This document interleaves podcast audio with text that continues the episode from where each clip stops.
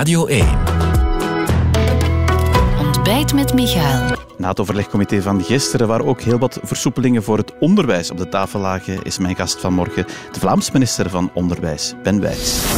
Radio 1. Altijd benieuwd. Goedemorgen, meneer eh, Wijts. Goedemorgen. Uh, ja, gisteren het overlegcomité met best wel wat versoepelingen, ook naar onderwijs toe. Enkele lagen al op tafel, hè. vanaf 15 eh, maart, Mhm. dat is snel al. Uh, kunnen studenten hoger onderwijs snel, of, of, kunnen meer naar school? Ja, gisteren zijn een paar beslissingen die al genomen waren nog eens bevestigd voor zover nodig. Ik denk dat het belangrijk is dat we al de week ervoor met het onderwijsveld eigenlijk de toon hebben gezet en al hebben beslist om over te gaan tot enige versoepelingen, namelijk wat willen wij gewoon meer contactonderwijs mogelijk maken, zeker voor de meest kwetsbaren. Dus heel concreet hebben we ervoor gezorgd dat in secundair onderwijs vanaf 15 maart eigenlijk al het buitengewoon secundair onderwijs, dat dus de opleidingsvormen 1, 2, 3 en 4, dat die allemaal volledig contactonderwijs kunnen genieten. Daarnaast er ook voor gezorgd dat deeltijdsberoep secundair onderwijs ook volledig contactonderwijs en belangrijk voor alle scholieren, alle jongeren, alle kinderen, dat ook de daguitstappen vanaf 15 maart opnieuw mogelijk zijn. Ja, wat, wat gisteren wel ook uh, nieuw was, is dat van na de paasvakantie, uh, dus de scholieren in het uh, secundair onderwijs die nu maar deeltijds kunnen gaan in tweede en derde graad, mm -hmm. die gaan volledig kunnen gaan. Is dat definitief afgeklopt eigenlijk? Wel, het is goed dat dat daar eh, ook ter sprake gekomen is, want ik had ook eerder al gezegd, het is en blijft mijn vaste wil en ambitie om ervoor te zorgen dat we na de paasvakantie kunnen overgaan in het secundair onderwijs naar volledig contactonderwijs. Want je stelt toch ook daar vast dat dat begint te wegen. Dus momenteel is dat beperkt tot maximaal 50% mm -hmm. contactonderwijs. Dus in de praktijk één week op school, dikwijls één week thuis. Natuurlijk voor 14-jarigen in het derde jaar secundair onderwijs is dat toch geen evidentie.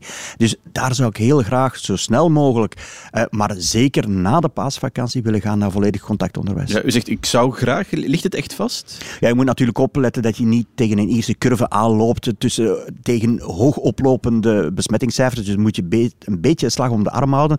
Maar dat is wel de vaste wil en ambitie. Uh, als het aan mij ligt, ik zou zelfs nog voor de vakantie, voor de paasvakantie, nog iets meer contactonderwijs mogelijk willen maken. Maar een beetje slag om de arm houden. Maar ik denk dat de ambitie heel duidelijk is. En gisteren ook nog eens bevestigd. Dus ik vind het wel belangrijk dat, men, uh, dat we erin geslaagd zijn om met het onderwijsveld te zeggen van kijk, dat onderwijs, uh, die bekommernis omtrent jongeren en kinderen, dat is prioritair. En dat is niet alleen een bekommernis die gedeeld wordt in het onderwijsveld, maar ook daarbuiten. En ook zelfs, waarvoor dank, ook uh, met prominenten in de federale regering. Ja, u, u zegt uh, middelbaar onderwijs, dat kan voltijds allicht na de paasvakantie. Ja. Gaat er voor hoger onderwijs wat u betreft nog iets veranderen? Ook voor hoger onderwijs hebben we al beslissingen genomen, namelijk vanaf 15 maart ja, gaan we ervoor zorgen dat momenteel is het benutten van de campuscapaciteit beperkt tot 10%. We gaan dat verdubbelen, we trekken dat op naar 20%. En we geven eigenlijk één ieder het recht als student om in zaken contactonderwijs minstens één dag uh, op de campus, twee halve dagen. Worden? En ook na de paasvakantie wil ik ook daar natuurlijk verder gaan. Hè. En heel concreet, ik zou ervoor willen zorgen dat, we, dat de studenten elkaar uh, dit academiejaar nog allemaal kunnen terugzien op de campus. En dat wil dus zeggen veel meer contactonderwijs. Ja, veel gaat natuurlijk van die cijfers afhangen, dat, dat zal blijken. Uh, maar, uh, dat heb ik gisteren gehoord, die speekseltesten die al lang zijn aangekondigd, die proefprojecten, die moeten ook een rol spelen. En dat is al lang gezegd en aangekondigd, maar dat komt er nu blijkbaar echt aan. Er zijn verschillende zaken. Dit is natuurlijk in eerste instantie de sneltesten die we aan het uitrollen zijn in het onderwijs.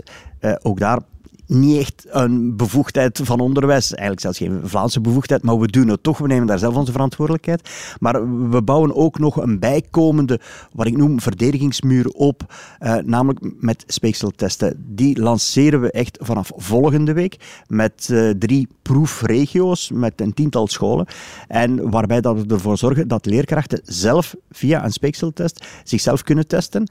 En dat zou natuurlijk ook vooral vanuit preventief oogpunt is dat een bijkomende verdedigingsmuur om ons onderwijs nog veiliger uh, te maken en eigenlijk vooral om onze leerkrachten te beschermen. Ja, dat start volgende week, zegt u, in, drie mm -hmm. regio's. Wanneer moet dat voor heel Vlaanderen dan klaar zijn? Well, dat zullen we dan evalueren. Het grootste probleem is daar natuurlijk uw logistieke operatie. Nu met drie proefregio's is dat best behapbaar. Maar wanneer dat je spreekt natuurlijk over 4000 scholen, 4000 scholen waar dat overal, alleen in Vlaanderen, waar dat overal eenmaal per week een courierdienst zal, moet ervoor zorgen dat die speekseltesten dat die getransporteerd worden. Dus dat is vooral een, een hachelijke logistieke operatie. Maar het is wel de bedoeling om op grond van een positieve evaluatie, en hopelijk kunnen we dat dan doen, maar daar mag ik nog niet voor mijn beurt spreken, eh, gelet op de operationele en logistieke problematiek die eraan vasthangt. Maar is het wel mijn bedoeling om ook eh, bijvoorbeeld na de paasvakantie dat eh, op veel grotere schaal te kunnen uitrollen. Die testen zijn er. Die zijn beschikbaar. We hebben momenteel een beperkt aantal uh, speekseltesten voorhanden. Die zijn dus beschikbaar, maar dat is nog uh, eerder in kleine mate. Als je spreekt over uh, alle leerkrachten, dan spreek je in Vlaanderen en onderwijspersoneel over 200.000 mensen. Dus dat is echt niet een immense operatie. Spreken over heel veel speekseltesten die ook wel nodig zijn. Ja. Dus dat wil zeggen dat we ook een openbare aanbesteding zullen in de markt moeten plaatsen. Ja, dat is dus nieuws dat volgende week er komt. De kotbubbel, daar is de voorbije week wel vaker over gegaan. En studenten die mm -hmm. ja, zowel op kot als, als uh, in hun thuisgezin uh, allebei een, een, bubbel hebben en die willen combineren. Wat is daar nu eigenlijk van beslist? Ja, blijft ook voor mij een, beetje onduidelijk. Uh, wat we hadden met z'n allen gevraagd, zowel de universiteiten, hogescholen, als diverse experten, experten ook de, de Vereniging voor Vlaamse Studenten en andere studentenorganisaties, hadden gevraagd om in alle duidelijkheid dat ministerieel besluit gewoon aan te passen. En uiteindelijk is dat vandaag eh, ook de realiteit. Er zijn heel veel studenten die binnen hun kot eigenlijk al een soort kotbubbel respecteren. Ja, geef die mensen dan ook enige rechtszekerheid. Want als er één ding duidelijk is, is dat het vooral onduidelijk is wanneer dat politieagenten al dan niet correct uh, mensen, studenten gaan beboeten, ja, dan illustreert dat natuurlijk dat het ook in hoofden van de politie niet volledig duidelijk is. Dus het minste wat ik vraag, van gewoon, uh, als men dan toch niet vanwege de symboliek dat ministerieel besluit niet wil aanpassen, ja, zorg er dan voor dat in de, uh, in de directieven aan de politiediensten, dat er dan wel een duidelijke interpretatie ja, wordt maar gegeven. Maar dat nieuwe ministerieel besluit, dat komt er, moet er aankomen voor, voor maandag, want dan gaan nieuwe maatregelen in. Mm -hmm. Ik begrijp wel in, in die tekst, want je had een tekst klaar voor die kotbubbel met de regio's, denk ik, met de andere deelstaten. En met daar, de universiteiten ja. en met de virologen trouwens. Ja, maar daar stond bijvoorbeeld in uh, studenten die, die van hun ene bubbel naar de andere gaan, die moeten ook mm. in quarantaine. Ja, hoe realistisch ja. is dat allemaal? Wel, dat is tenminste, dat, hoe realistisch is dat? Wel, vandaag gelden ook al quarantainemaatregelen en quarantaineregels die ook worden toegepast. Waarom zouden studenten dat niet gaan toepassen? Ik denk dat die ook heel verantwoordelijk zijn en uh, ook al bewezen hebben dat ze heel veel verantwoordelijkheid aan de dag kunnen leggen. En dat is net om, wanneer dat je de keuze maakt, in plaats voor te kiezen voor je klassiek gezin, maar dat je zegt, nee, ik ga lange, langere tijd in een studentenstad op kot en ik kies voor mijn studentenbubbel als zijnde mijn kernhuishouden, zoals een gezin, ja, dan vind ik dat dat ook bepaalde, niet alleen plichten, maar ook rechten met zich moet meebrengen. Zodoende dat je in alle vrijheid, net zoals dat je binnen een gezin handelt, ook in alle vrijheid met elkaar kunt omgaan op uw kot en geef die, geef die dan een beetje rechtszekerheid. Ja, u bent minister van Onderwijs, ook minister van, van Sport. Ja. Uh, heel veel vragen zag ik die wij, die wij binnenkrijgen van mensen die niet zo goed weten in georganiseerd verband sporten. Ja. Mag dat nu vanaf, vanaf maandag? Wel, als je dat natuurlijk veilig kan met een groep van tien, dat kan dat. Maar belangrijker nog is het perspectief dat vanaf april dat we dat uh, zelfs een beetje een privilege gaan geven, namelijk het sporten in groepsverband, dat je dat dan kan doen met 25 mensen. En dat wil dus zeggen dat we dan heel veel sporten opnieuw mogelijk gaan kunnen maken. Dus een, een voetbalwedstrijd of, of een training zal het en, zijn? En voetbal is dan bijvoorbeeld ook allemaal mogelijk. Dus dat is ook toch een beetje een doorbraak.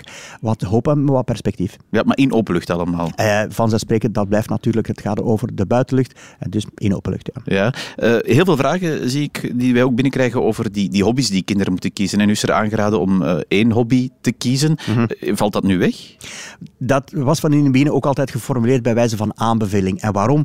Om eigenlijk een beetje te beroepen op solidariteit. Want op dat moment waren de min 13-jarigen waren de enigen die eigenlijk nog uh, sportactiviteiten, buitenschoolse activiteiten mochten doen.